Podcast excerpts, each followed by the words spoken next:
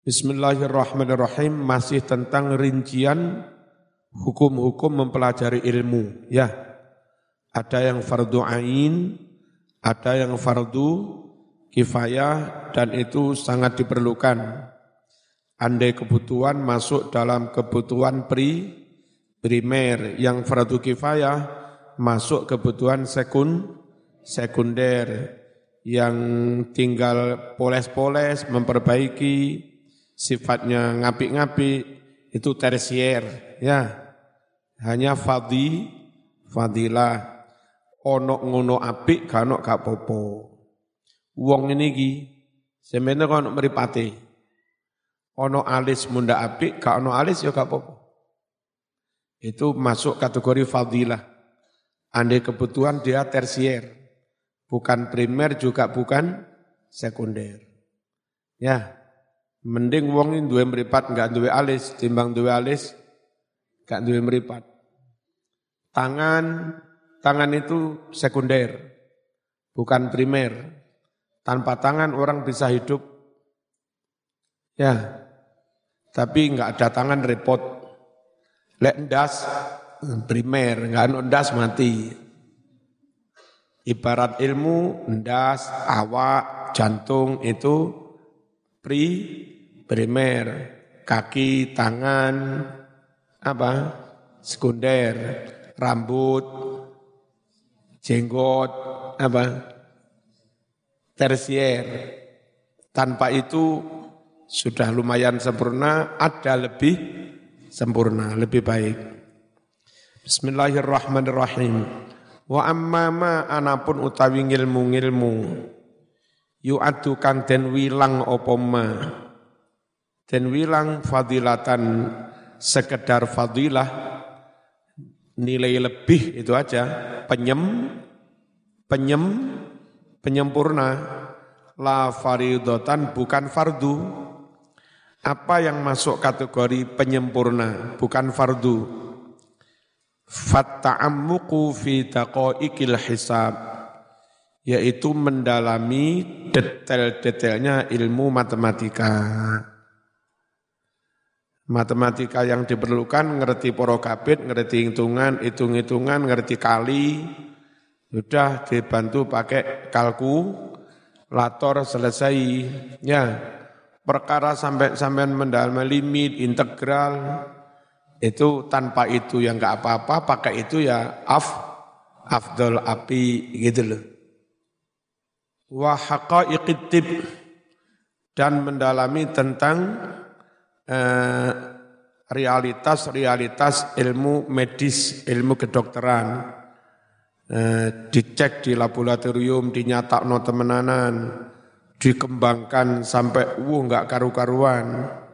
Itu ya baik-baik saja. Tapi tidak harus. Wa ghairi dzalika dan ilmu-ilmu lain. Mimma yustaghna anhu yakni dari ilmu-ilmu yang eh, tidak terlalu dibutuhkan yustaghna anhu tapi ya nggak apa-apa, sama mendalami sampai ke sana. Kita nggak mau juga sih yang jadi matematikus wong non muslim semua. Kita ingin juga matematikus itu juga ada yang muslim. Kita ingin juga ahli optik internasional itu muslim. Sampai ahli pol-polan. Masuk kabeh non muslim. Nah, api, api juga tapi nggak harus. Walakin nahu tetapi ilmu-ilmu itu yufidu ziyadata quwwatin akan memberi faedah semakin bertambahnya kekuatan fil qadril muhtaji ilaihi pada kadar yang sekiranya diperlukan. Jadi dokter ahli mata, jadi dia ambil spesialisasi tentang mata, lalu sampai dia doktor di bidang mata, sampai profesor juga di bidang mata, itu semakin kuat. Profesionalitasnya semakin mening, meningkat. Tapi sebetulnya untuk sekedar nambani motoloro, nggak harus sampai ke sana. Makanya fungsinya memperkuat. bukan bukan bukan sangat prioritas, enggak primer.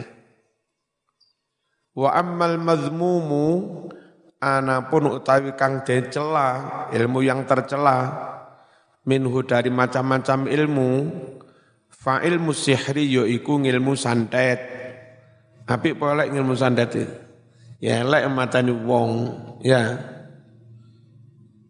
wattal masad dan ilmu gendam wa ilmu syakbadah ilmu sulapan wattal bisat ilmu bujui.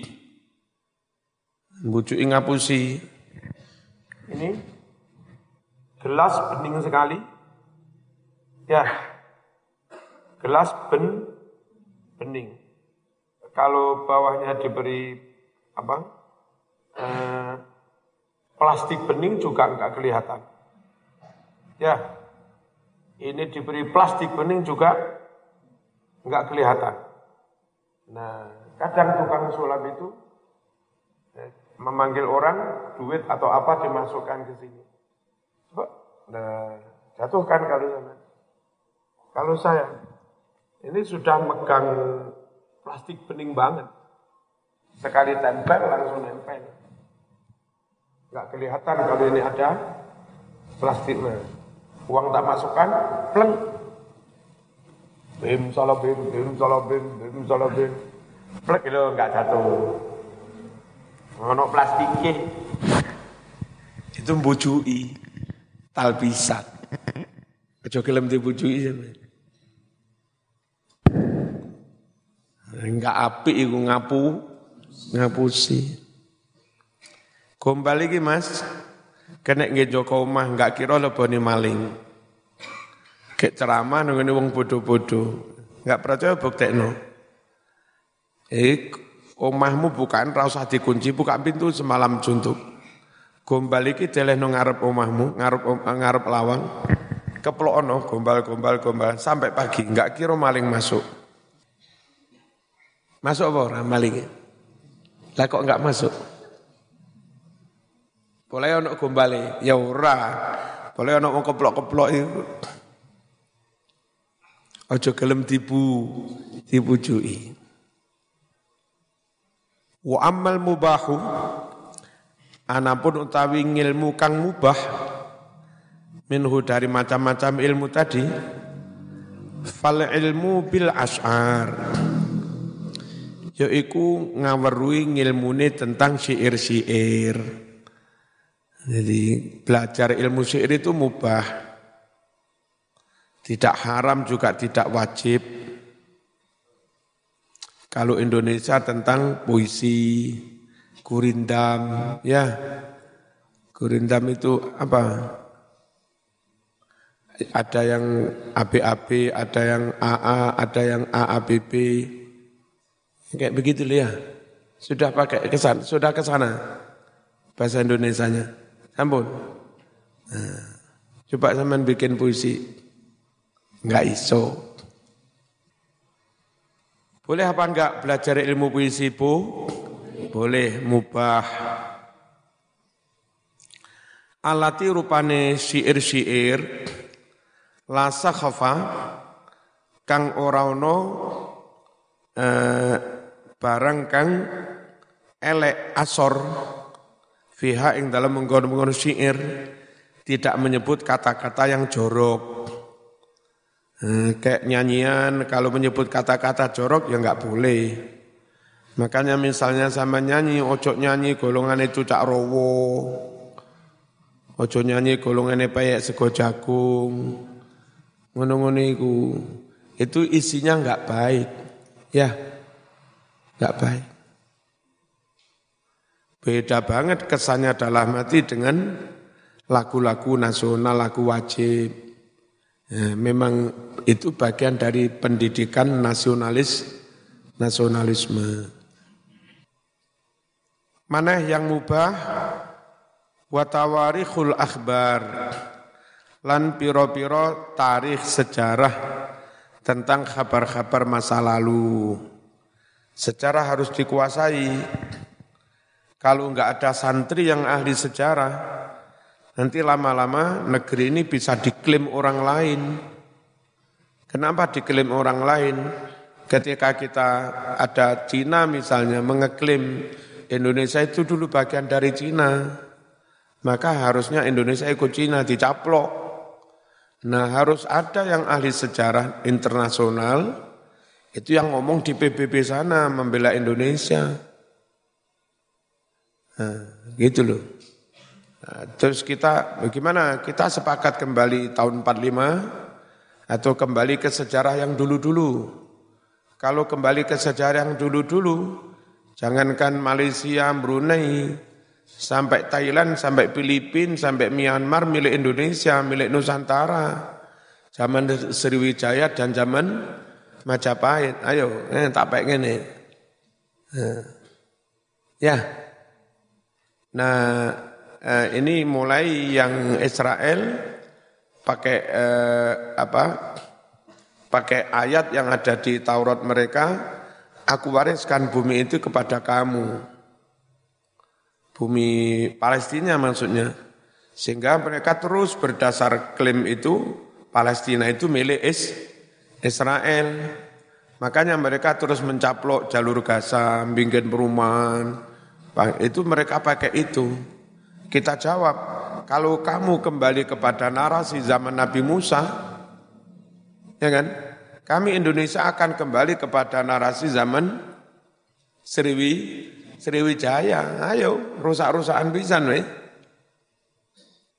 Nah gitu. Negara yang ada sekarang internasional ini, itu kan penyelesaian setelah Perang Dunia Kedua. Ada Indonesia merdeka, Malaysia merdeka, macam-macam itu. Itu disepakati Indonesia sampai ini, mulai ini sampai ini, ini sampai ini. Itu kesepakatan setelah Perang Dunia Kedua. Sudah kalau rujuknya rujuk dari situ ya situ, jangan kembali ke apa, sejarah masa lalu. Nah khawatir kita kalau nggak ada muslim yang ahli sejarah, diklaim mereka, kita nggak bisa berbicara di kancah internasional. Paham ya? Jadi sejarah itu pen, penting juga. Penting. E, kayak gerakan Wahabi. Gerakan Wahabi sukanya menghilangkan makam. Makam dihancurkan. Kalau makam-makam ulama, makam wali dihancurkan, terus Indonesia misalnya sudah nggak ada makam wali Songo, nggak ada makam kerajaan-kerajaan Aceh, kerajaan Pasai, ya nggak ada makam kuno.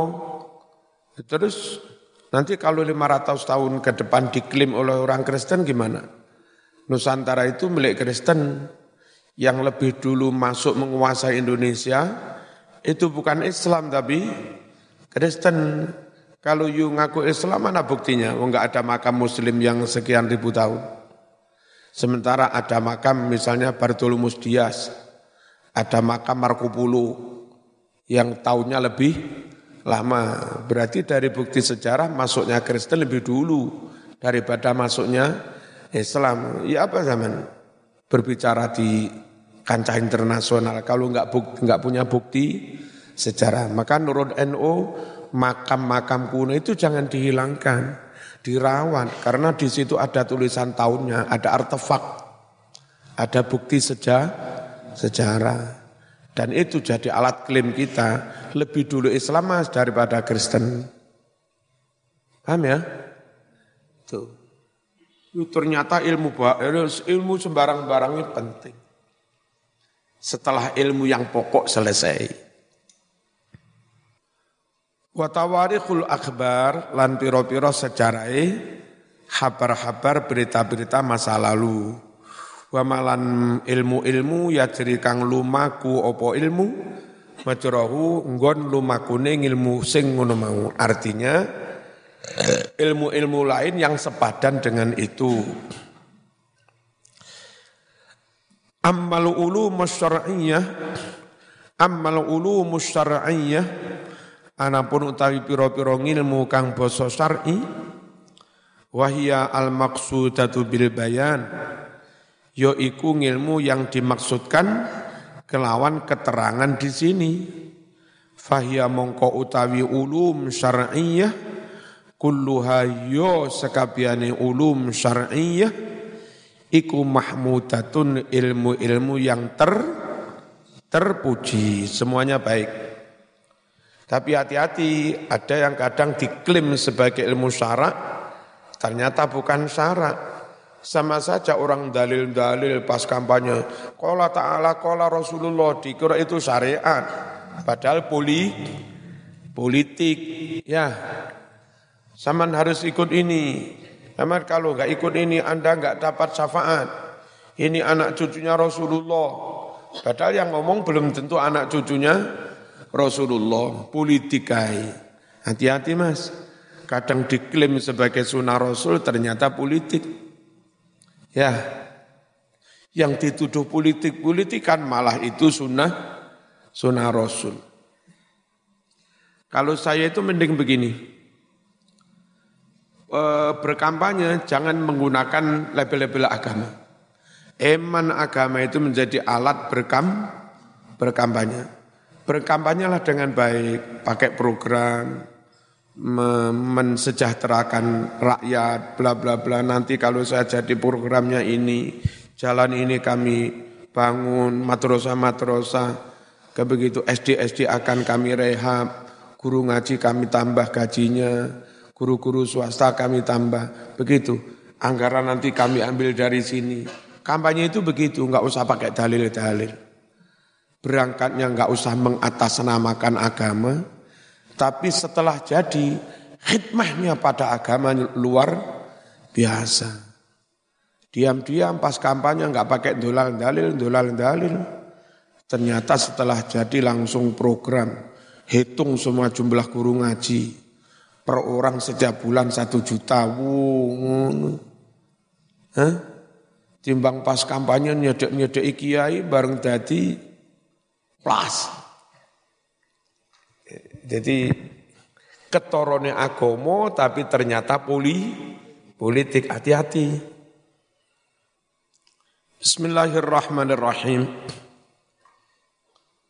Walakin tetapi qad yaltabisu terkadang rancu, campur aduk, biha kelawan ulum syar'iyah, apa yang terkadang rancu campur aduk, mayudhannu annaha syar'iyah. Ilmu yang disangka bahwa itu ilmu syar syar'iyah padahal watakunu madmumah padahal itu ilmu yang ter ilmu yang tercela. Fatang qasimu ilal mahmudah wal mazmumah. Sehingga ilmu yang kayak-kayak syarak akhirnya juga terbagi. Ada ilmu yang dipuji, ada ilmu yang dicela, ada yang baik, ada yang buruk. Ammal mahmudatu falaha usulun wa furu'un wa muqaddimat wa, wa mutammimat. Adapun ilmu-ilmu syarak yang terpuji, falaha usulun. Ada ilmu-ilmu syarak yang sifatnya usul pokok. Ilmu tauhid, ilmu akidah, itu pokok banget. Ilmu meyakini kebenaran Quran itu pokok banget. Wa furu'un yang sifatnya furu cabang. Penjabaran dari yang pokok. Penjabaran dari yang u, usul. Wa muqaddimat. Ada yang sifatnya muqaddimat. Apa muqaddimat? Pengantar sebelum masuk ke inti bahasan ilmu. Itu namanya muqad, muqaddimah, ilmu pengantar. Kalau dalam bahasa Arab modern namanya madkhul. Zaman kalau kuliah di Al-Azhar semester 1, kuliah tarbiyah di Azhar, nanti akan diberi mata kuliah Al-Madkhul ila ulumi nafsi. Apa itu pengantar sebelum masuk ke ilmu ji, jiwa. Al-Madkhul ila ulumi nafsi. Mesti banyak ilmu. Sebelum masuk ke ilmu fikih, ada dulu al-madkhul ilal ulumil fiqh. Apa yang dibahas dalam madkhol ilmu pengantar? Pertama tentang kegunaan ilmu fikih, dasar pengambilan ilmu fikih.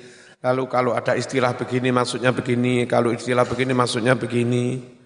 Setelah menguasai pengantar ini, mahasiswa itu betul masuk kepada fikih, sudah enggak bingung dengan istilah-istilah itu. Karena sudah dikuasai saat ngambil eh, mata kuliah al-madkhol tadi. Ya, dulu namanya muqaddimah. Di sekarang namanya al-madkhol ila apa ila ulumil fiqih dan seterusnya. Wa mutammimat ada juga ilmu yang sifatnya mutammimat apa penyem penyem penyempurna. Wahya arba'atu adrubin Ilmu-ilmu itu ada empat macam. Ad-darbul awwalu al-usul. Macam yang pertama yaitu ilmu usul fi ilmu usul, ilmu yang pokok. Apa yang pokok itu? Wahya yang pokok itu arbaatun, yakni empat pokok ilmu dalam Islam itu empat. Al-Quran, Sunnah, Ijma, Ijma, Kitabullah, berarti Al-Quran, wa sunnatu rasulih sallallahu alaihi wasallam, sunnah, wa ijma'ul ummah, dan ijma' sepakatnya para ulama di dalam umat Islam. Yang perlu kami klarifikasi, ada organisasi di luar NU enggak mau menerima ijma' tapi keputusan organisasi mereka itu mereka pegangi. Nah, ijma itu apa? Untuk konteks Indonesia misalnya, ada NU, ada Muhammadiyah, ada LDII, ada NW Nahdlatul Waton di NTB, terus ada Al-Wasliyah di Sumatera. Ya, lima organisasi ini plus organisasi luar negeri ketika bersepakat togel haram. Itu namanya ijma. Jadi kalau ijma NU ikut memutuskan, Muhammadiyah pun ikut memutuskan. Nah kalau ijma enggak diterima, lalu keputusan intern organisasi, padahal bertentangan dengan organisasi yang lain, itu malah mereka terima, kan keliru. Jadi ijma itu mestinya di atas keputusan intern organisasi kekuatan hukumnya. Organisasi ini mengharamkan togel. Bersama semua organisasi Islam internasional, semua juga mengharamkan togel. Haram banget. Gitu.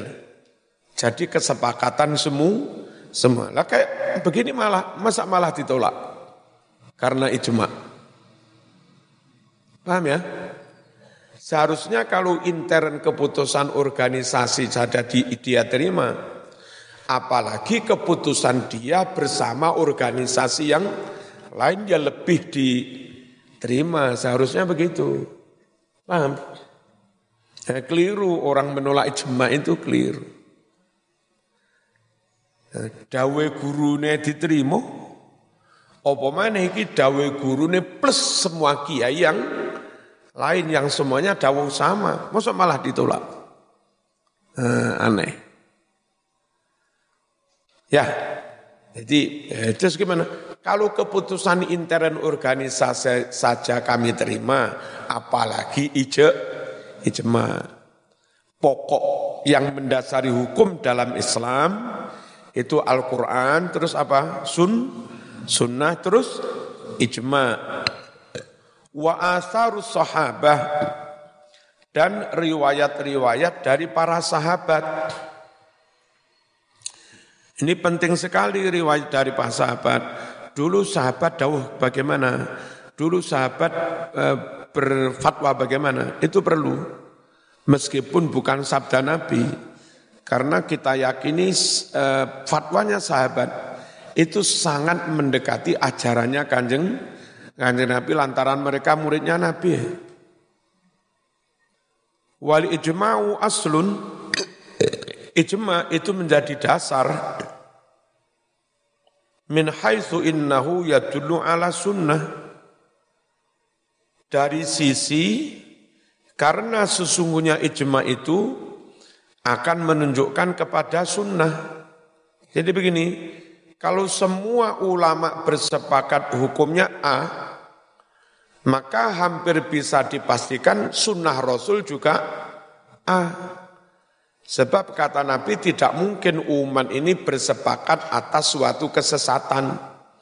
Kalau umat bersepakat itu mesti ben, benar, nggak mungkin umat Islam bersepakat atas suatu kesesatan. Kenapa Quran jadi lebih kuat dari sunnah? Karena semua ayat yang tertulis dalam Quran itu sudah disepakati semua sahabat yang hafid Quran. Ini benar tuh ayat Quran teko Nabi. Ini benar ayat Quran teko Nabi. Semua sahabat yang hafid mengatakan, ya benar, tak tulis kedudukan Quran lebih kuat karena didukung ije, ijma. Sementara kalau saat hadis, kadang sahabat ini dengar hadis dari Nabi, sahabat yang lain kadang enggak. Nah, gitu loh. Ya, itu juga sunnah Rasul, ajaran Nabi. Tapi karena enggak mendapat kesepakatan dari semua sah, sahabat, posisinya tidak lebih kuat, legitimasinya tidak lebih kuat daripada Qur Quran. Karena ijma. Berarti ijma penting merah. Penting. Fahuwa aslun fit darajati salisah.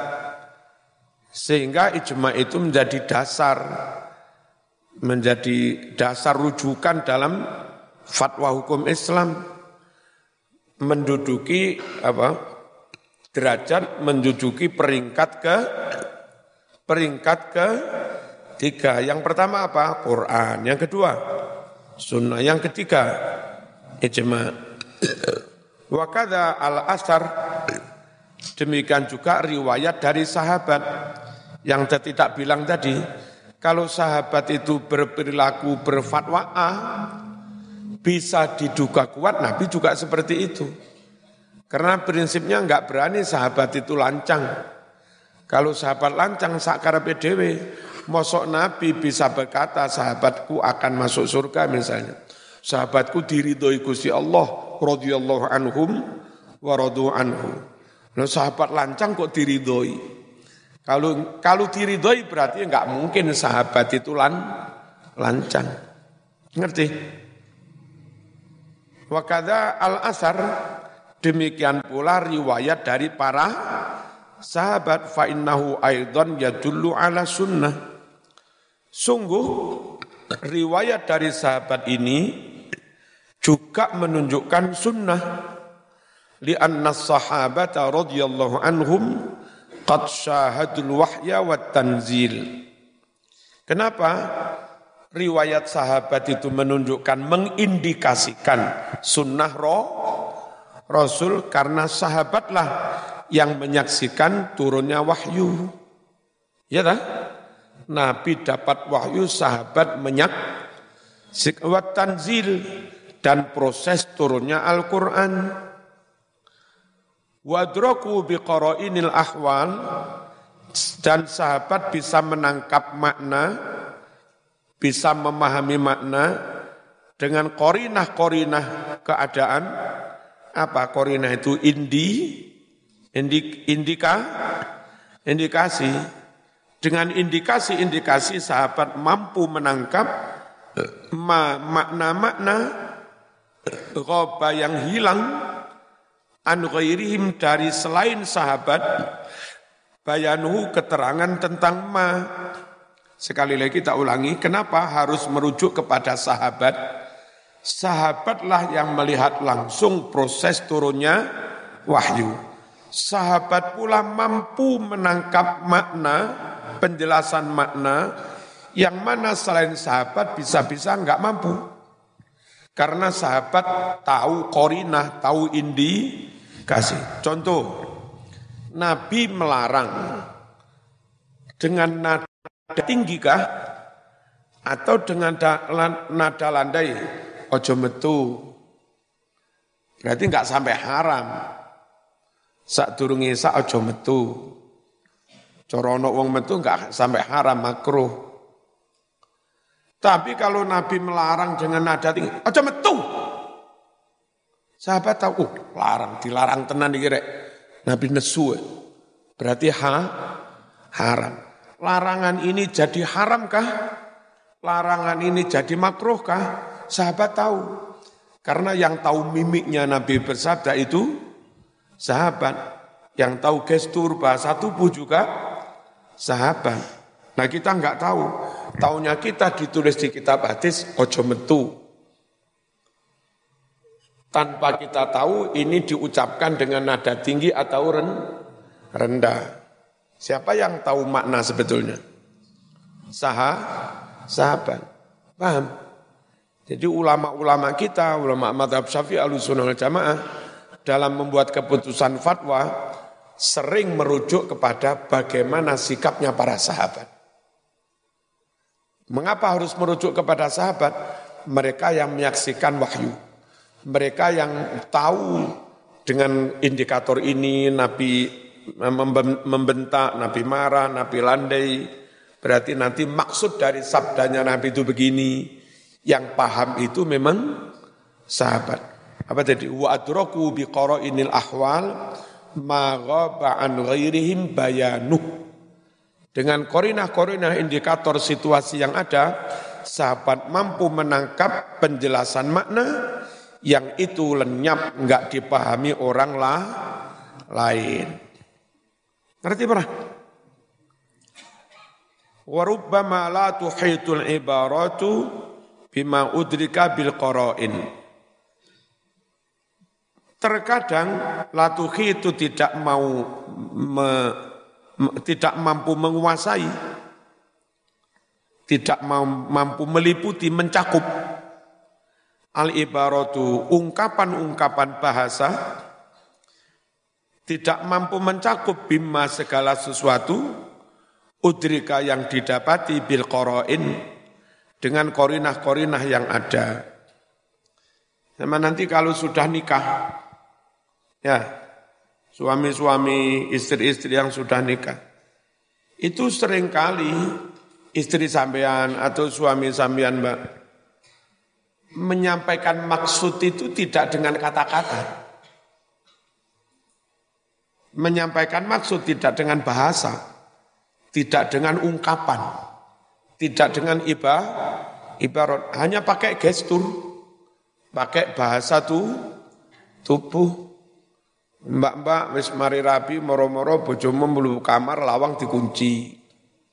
Iki lapoi. Enggak pakai kata-kata. Banyak sekali hal-hal yang enggak mampu diungkap secara bahasa ungkapan. Tapi hanya bisa ditangkap dengan indi, indikasi. Apa salahku? Ya. Mbah Yai, Mbah Yai gading alus bang.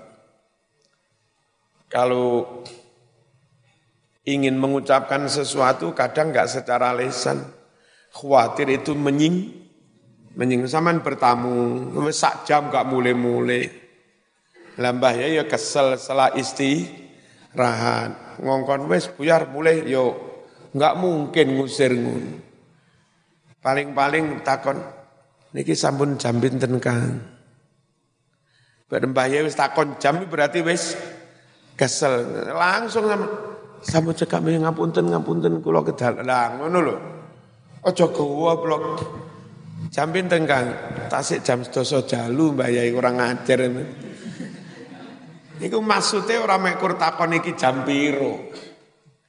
Jangan hanya memahami di balik kata-kata. Paham ono mbah ya wis rada anget. Ngomong wis gak semangat, wis rada ngantuk, juga menguap. Mana kadang bayin telok jam. Berarti wis kesuwen lek musuhan. Ndang pamit ngono lho. Hah? Aja malah mbah yai jami anyar to ngono kan. Ngajar. banyak hal yang tertangkap ter, dipahami dengan indi, indikasi, tidak dengan ibarat, tidak dengan kata-kata. Dan itu kalau menyangkut kanjeng Nabi yang paham sah, sahabat. Ini alasan-alasan kita kaum ahlu sunnah jamaah dalam banyak hukum merujuk kepada sah, sahabat. Sahabat itu eh, merekomendasikan selamatan tujuh hari. Ya kita ahlu sunnah melakukan itu. Nabi melakukan apa enggak ya kami enggak tahu. Yang tahu, yang kami tahu sahabat melakukan itu. Riwayat Imam Tawus itu disebut dalam uh, kitab Ad-Dibat Syarah Sahih Muslim juz 2 halaman 490 sahih bahwa sahabat itu mensunahkan an yut'imu anhum tilkal ayam agar keluarga yang keluarga mayit ini bersedekah makanan selama tujuh hari. Niat ganjarannya untuk yang wafat, yang mati itu. Sahabat begitu. Orang di luar kita itu kan nggak dilakukan Nabi, hanya sahabat. Kau urus mas. Kami kami apa merujuk kepada sahabat pula karena kami yakin sahabat dapat itu mesti dari kanjeng Nabi dengan alasan tadi. Bismillahirrahmanirrahim. Famin hadal wajhi dari sisi inilah kok begini? Ala ala sawab begini alal ulama gitu ya. Dari sisi inilah alal ulama wajib atas para ulama al iqtida'u bihim. Mengikuti para sah mengikuti para sah, sahabat. Alal ulama al iqtida'u bihim wat tamassuku dan berpegang teguh bi asarihim dengan riwayat-riwayat jejak-jejak para sah, sahabat. Wadzalika bisyartin maksus tentu itu dengan syarat yang khusus. Antara lain sahabat itu memang sahabat yang top, alim, dan nggak bertentangan dengan hukum lain yang lebih so, so, sohih. Ala wajhin maksus, dengan cara yang khusus. Indaman yaroh, bagi madhab, bagi golongan yang berpendapat seperti ini. Antara lain madhab syah, fi'il. Apa enggak dijelaskan di sini panjang lebar? Ini bukan kitab usul fikih, Mas. Wala yaliqu bayanuhu bihadzal fanni dan tidak layak menjelaskan hal ini bihadzal fanni di bidang ilmu ini. Ini kita akan ngaji ilmu tasawuf, tasawuf bukan ngaji ilmu usul fikih. Ad-darbusani macam yang kedua adalah al-furu yang tadi usul, Quran, sunnah, ijma, asarus, asarus, sahabah. Yang kedua, furu apa? Cabang. Apa yang dijabarkan dari usul wa huwa ma fuhima min hadhil usul. Furu itu apa? Hukum-hukum syara yang dipahami dari empat pokok tadi. Hukum syara yang digali dari Al-Quran. Hukum syara yang digali dari ha, hadis. Hukum syara yang digali dari ijma' ma hukum syarak yang digali dari asarus sahabah tapi awas la bimujabi alfadhiha bukan semata-mata karena konsekuensi lafadznya. Kalau zaman berfatwa hanya sesuai dengan makna lafadznya zaman malih koyok wahabi. Apa? Lafdiyah teks. Teks. Tekstual jadi ini kaku. Contoh paham yang kaku itu begini. Faman kana minkum maridun aw ala safarin fa min ayyamin ukhar. Kan poso Ramadan kan itu. Barang siapa di antara kamu lagi musafir atau lagi sakit, maka dia wajib mengkodok di hari lain. Itu kalau alusunah, barang siapa di antara kamu sakit, sakit yang lumayan parah, bukan sakit panu. Sakit yang membuat dia keberatan menjalankan puah, puasa. Au ala safarin atau kamu pergi pergi jauh. Pergi jauh, kenapa pergi jauh? Kalau hanya kendinoyo, mosok nggak kuat poso.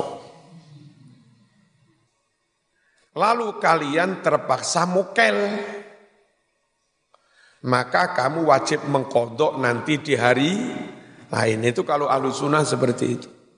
Kalau yang aliran, aliran lafdiyah ini letterlek. Pokoknya kamu sakit, pokoknya kamu musafir, maka kamu wajib mengkodok. Perkara kamu mokel apa enggak mokel gak urus. Kalau kamu enggak mokel, tetap wajib kodok. Aku enggak mokel kok kodok, salamu dewe. Wong Quran ngongkon famangka naming kumaridon aw ala safarin. Siapa di antara kamu sakit atau lagi musafir faidatu min aymin ukhor wajib mengkodok di hari lain. Salamu enggak mukel. Jadi masih enggak mukel wajib ngodok. Ini, ini contoh-contoh aliran aliran apa? Letter leg lalu dalam hal sholat kosor Sholat kosor itu dalam Quran disyaratkan kalau kamu takut diserang musuh. Pergi di tengah jalan takut ada serangan. Maka kamu daripada nanti diserang mati belum sholat, mending kamu jamak kosor. Berarti kalau situasi aman, nggak boleh kok kosor. Ini begitu. Aman nggak boleh kosor. Menurut aliran letter, letter in khiftum ayyaftinakumul ladzina kafaru. Itu fala junaha alaikum an taqsuru minas minas salah. In khiftum ayyaftinakumul ladzina kafaru. Enggak apa-apa kamu mengkosor salat kalau kamu kuasir khawatir diserang musuh. Dulu Umar bin Khattab tanya Nabi, Nabi, saat niki kan wis aman, enggak khawatir diserang musuh. Berarti nggak boleh kosor dong. Apa Nabi mengatakan? Hadi sodakotun tasaddaqu biha rabbukum. Wila trimona iki sodakai pangeranmu lek musafir oleh kosor. Trimona sodakai pangeran. Wong ujuk rewele disodakai pangeran gak gelem nerimo. Nah begitu. Banyak hal-hal. Terus kayak tempo hari Menurut Quran yang haram papat dok. Apa? Bangkai, darah, babi, sembelian selain Allah. Lalu sesuai dengan letter leknya ayat ini, selain empat, halal semua. Lalu mereka berfatwa tikus halal, cacing halal, ulo halal, cindil halal. Ya apa, isu sarapan karunya si cindil urip. Si abang-abang meripati merem. Hmm, masuk halal. Itu jadi ono aliran macam-macam itu antara lain karena memahami letter dan bahasa itu baik bahasa Jawa atau Arab tidak bisa semuanya dipahami secara secara letter mbak-mbak sama nanti kalau rabi wong metaraman ngono Blitar, Galek sampai Jogja. Itu kadang suami morotuwo itu omong nggak terang-terangan. Ya. bengi-bengi uh, zaman neng morotuwamu zaman dikandani. Neng, dalam bah wonten apa? Aku kok rasa ngelak. Itu sing bener lang, nggih kula pendet itu ya. Ngono. Sing bener ngono iku. Ojo, oh jenengan ngelak to. Enggak kira orang sana ngomong, aku coba no banyu. Enggak ngono. Enggak terus terang, aku ngelak. Ya. Terus zaman jadi mantune di kandani, neng dalam bah, aku harap sholat tahajud, enggak. Apa ngerasaaken toyo anget? Kodokne dilu ben wudu karo banyu anget ditoto sajadah ngono. Jadi merintai godoknya aku banyu tatakno sajadahku gak ngono. Ngerti? Jadi ojo paham letter tok ngawur ya men. Oh, pekok nemen. Jadi orang-orang sana itu berbahasa itu pakai pakai rosso itu. Mam morotuamu, dok dok dalam bah, kok rapat cross wasin ya, berarti kurang asin dah. Langsung pendok no ya, monggo bah, sampean kirang dah, ngono. Aja, anu ini kirang asin nek nih. Kok rapatek krosong kira ngasin ini. Mantu rapatek pinter. Sing bener langsung jupuk nih. Oh iya. Bahkan nek perlu turun diperintah sesuai dengan kebiasaan. Isuk biasanya apa? Ngopi. Isuk biasa apa? Minum air apa? Teh susu. Wes tanpa diperintah. Isu ngono sing gelas maring unjuki di pendet ganti monggo Pak. Mantu ayu tenan Hah? mantu cerdas. Allahumma salli ala Muhammad. Ndi mau? Hilang. Mafuhima min hadhil usul. Tapi dipahami itu la bimujabi al-fadhiyah tidak mesti sesuai dengan apa konsekuensi lafadznya. Bal bima'anin tanabbahala hal ukulu akan tetapi dengan makna-makna tanabbaha yang menangkap lah terhadap makna-makna itu al-ukulu akal manusia. Dari sana terus fikih menjadi berkembang berkembang. Quran mengharamkan khomer, tapi sekarang ulama juga mengharamkan narkoba, juga mengharamkan topi miring, cap kuntul, eh, mensen, padahal duduk khomer. Kenapa? Ketika Quran menyebut khomer, yang ditangkap ulama itu sisi memabukkannya. Bukan semata-mata khomer khomer. Lek ngono apa pun pokoknya memabukkan meskipun namanya bukan khomer ya haram. Nah gitu. Fattasa'a sehingga menjadi meluas bisa babia sebab adanya ma'anin tanah bahalal ukul apa yang bisa menjadi luas al-fahmu pemahaman lah memahami dalil itu namanya fi apa? Memahami hukum yang diambil dari dalil itu namanya fi fikih. Hatta fuhima sehingga bisa dipahami minal lafzil malfudhi bih dari lafat ujaran yang dilafatkan apa yang bisa dipahami ghairuhu hal yang lain? Kama fuhima seperti bisa dipahami min qawlihi dari sabda Nabi sallallahu alaihi wasallam la yaqdil qadi wa huwa ghadban. Tidak boleh hakim memutus suatu putusan sambil marah. Nah menurut ulama ahlu sunnah, hakim tidak boleh menjatuhkan vonis tidak hanya ketika marah. Lah ketika apa? Dalam kondisi apa pun yang mentalnya, jiwanya lagi tidak stabil. Itu kalau ahlu sunnah memahaminya di situ. Annahu bahwa si hakimiku layak di tidak boleh memutuskan fonis, menjatuhkan fonis. Idza kana hakinan jika dia ngempet ngising. Apa ngempet ngising? Kebelet ngising karo mutus ini.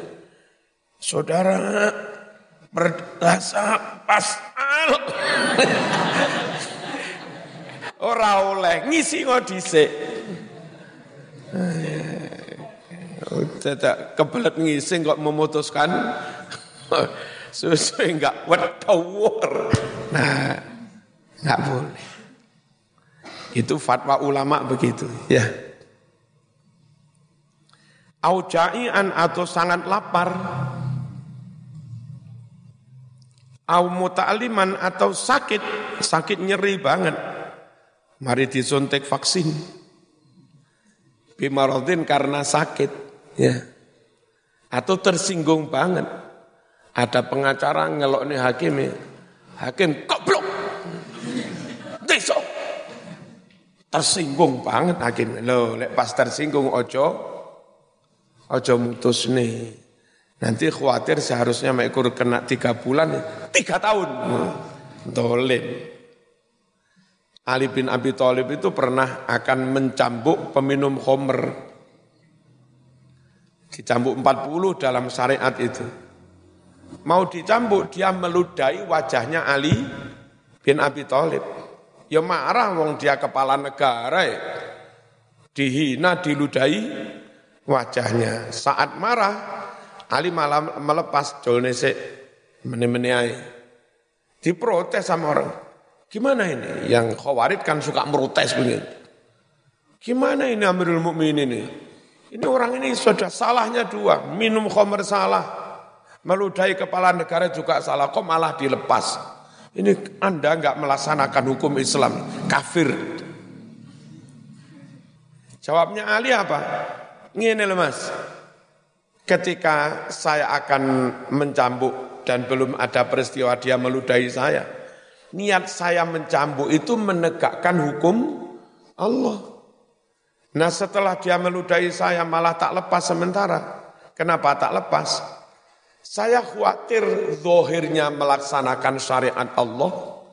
Tapi di balik itu ada niat balas dendam. Saya enggak mau syariat hanya jadi alat untuk naf, nafsu, balas dendam. Ini namanya nafsu menumpangi syariat. Diduga din, diduga syariat ternyata naf, nafsu modus. Nah, enggak mau. Ini kayak begini tadi. Ya, zaman jadi hakim agama, ono wong mengajukan proses gugatan cerai. Sing wedok se ayu, ngene sampean dudo pisan hakime. Wes enggak usah pakai proses panjang. Gugat sidang pisan, dok terima, cerai, langsung. Hmm. Ini jenenge mo, modus. Ada udang, nggak boleh sedang begitu-begitu itu menjatuhkan fo, fonis. Saya kira begitu. Al-Fatihah.